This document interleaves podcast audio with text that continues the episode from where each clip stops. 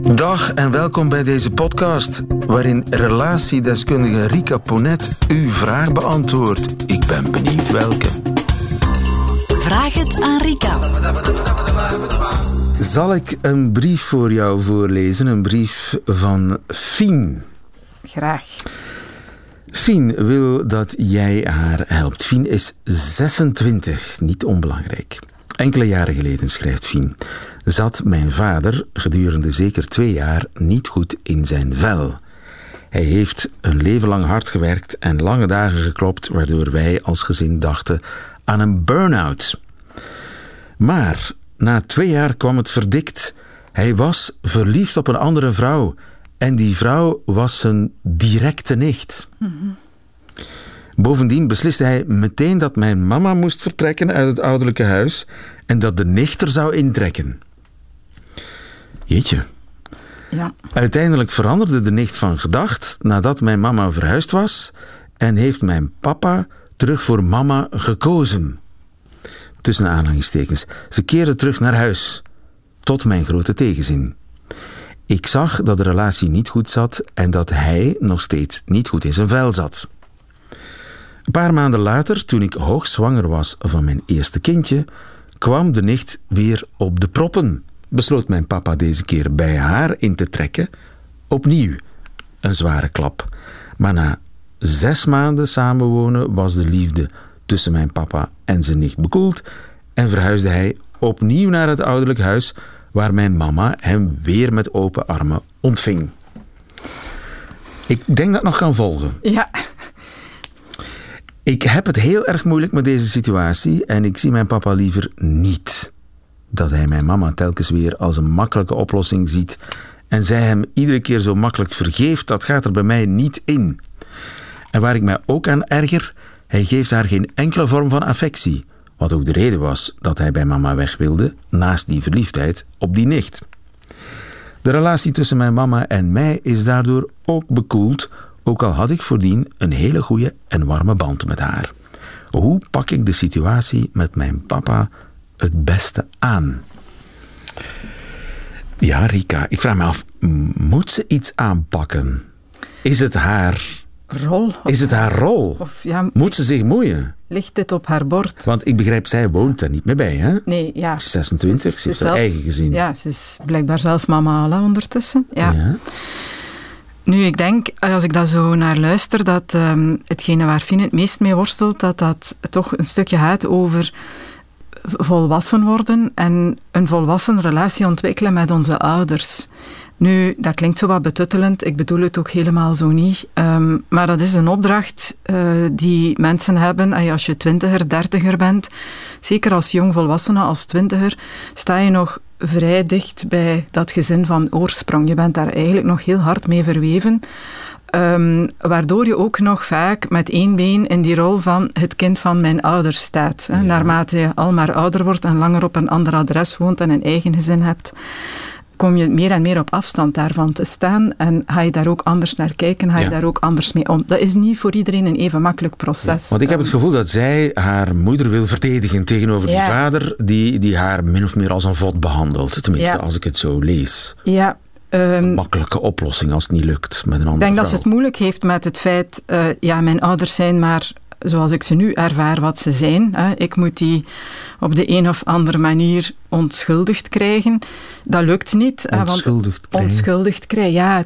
Eh, weet je, als je nog heel dicht bij je ouders staat, dan vind je dat heel moeilijk om hen niet te zien als... Ouders zijn vaak goden, dat zijn degenen die voor ons zorgen, waar we afhankelijk van zijn.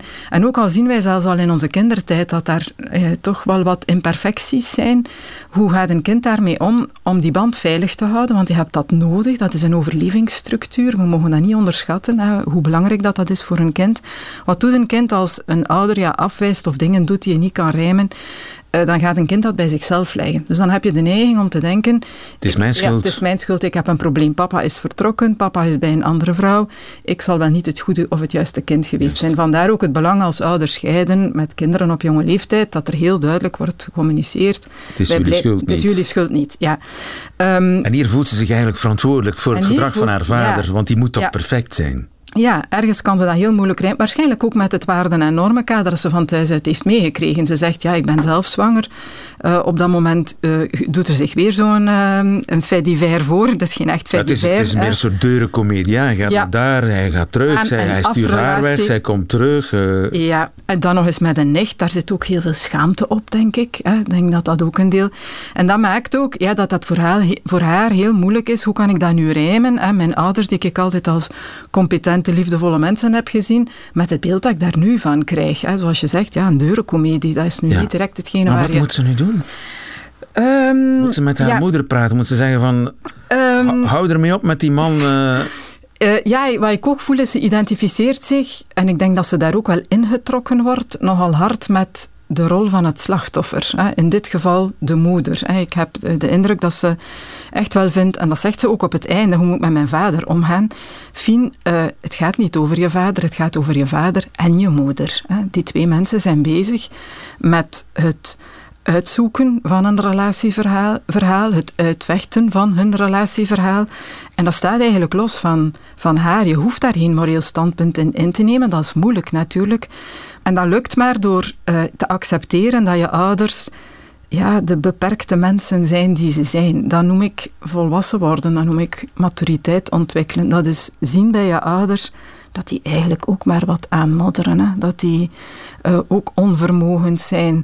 Uh, ook dingen doen waar je van zegt, rationeel gezien, hoe is dat nu in godsnaam mogelijk? Hoe kunt u zelf zoals een dweil laten behandelen? Of haar vader, hoe kan je nu op deze leeftijd zo'n onzinnige dingen doen? Ja. En om dat beter te begrijpen, denk ik dat het interessant is om te kijken, ja, wat gebeurt daar eigenlijk? En dan zie ik toch een huwelijk uh, in het midden van het leven. En ik denk dat haar ouders op dit moment heel hard worstelen met, ja, we noemen dat dan heel makkelijk vandaag een midlife crisis. Ze zegt ook in het begin, mijn vader heeft altijd keihard gewerkt. Ik lees daar dan het verhaal of ik hoor daar dan het verhaal van iemand die al een leven lang heel netjes binnen de lijnen heeft gekleurd, maar dat waren waarschijnlijk niet zijn lijnen. En die dan op een bepaald moment in het leven, en dat is zoals je de 50 bereikt of daarover gaat, lieve, ik denk dat wij dat allemaal meemaken in die levensfase. Is dit het nu? Moet ik hiermee verder? Wil ik hiermee verder? Um, en als er dan in je huwelijk of in je relatie veel leegte is, of je hebt het gevoel, ik heb altijd geleefd naar de normen en waarden van iemand anders, of naar datgene wat moest of wat van mij verwacht werd, dan zie je dat mensen nogal eens gekke sprongen maken of gekke dingen doen. En dat is niet omdat ze slecht zijn, maar het is omdat men op dat moment heel hard worstelt met ja, het beeld van de eindigheid van het leven. En, um, en dat verklaart emotioneel heel vaak waarom mensen de dingen doen Ja. die ze doen. En Denk je dat het verstandig is dat Fien met haar moeder of met haar vader hierover een gesprek aangaat? Of is het verstandiger om te zeggen, Misschien met beiden. Of- of- Eh, mama, papa, voor mij is dit kei moeilijk. Dit- tegelijk? Ja. Je zou dit tegelijk doen. Eh, blijkbaar zijn ze nu opnieuw bij elkaar, als Ja, ik ja, het goed ze zijn begrepen terug heb. bij elkaar. Ja. Eh, ik heb dat hier heel, heel moeilijk mee. Maar ook ehm, als je daar zo naar kijkt, dan helpt dat misschien voor haar om eh, naar die beide ouders te kijken als ik mag die mensen graag blijven zien. Hè. Zij hoeft haar vader niet af te wijzen. Ehm, ja, dat zijn twee mensen die samen in een relatie zitten waar het op dit moment kei moeilijk in gaat. En ik accepteer daarvoor wat dat, dat is, een crisis waar zij samen moeten uitkomen. Maar dat blijven uiteindelijk mijn ouders. Ja. En ik mag die allebei als individu graag zien. Ook al vind ik op dit moment wat zij met elkaar doen niet zo'n fijn gegeven. Juist, maar ik heb het gevoel dat zij wil bemiddelen. Ja. En de vraag is of dat een goed idee is. Eh, nee, dat denk ik niet. Dat is ook je rol niet als kind. Ik begrijp dat wel. hè. Je, je wil uiteindelijk eh, je ouders gelukkig zien. En dat is ook wat je ziet. En daarom dat ik ook zeg, ze zit blijkbaar toch nog met één been in haar rol van het, eh, het ideale, de ideale dochter, het goede kind. Ehm, dat er alles aan doet om ervoor te zorgen dat die thuissituatie intact blijft, goed blijft. Dat dat nest blijft zoals het was.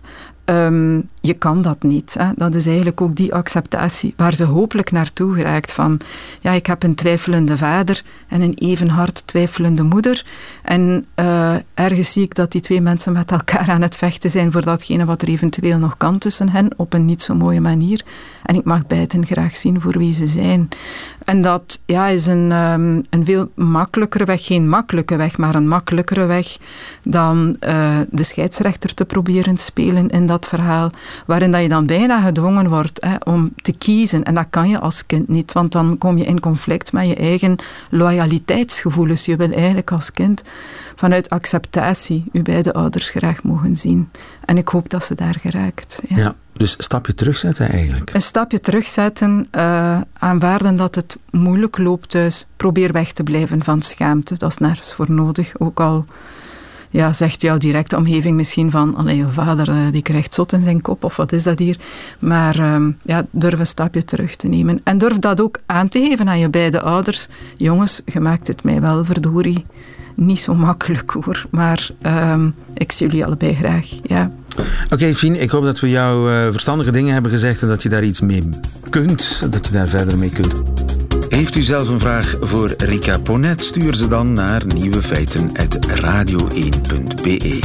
En wie weet hoort u het antwoord in een volgende podcast. Namen worden sowieso veranderd.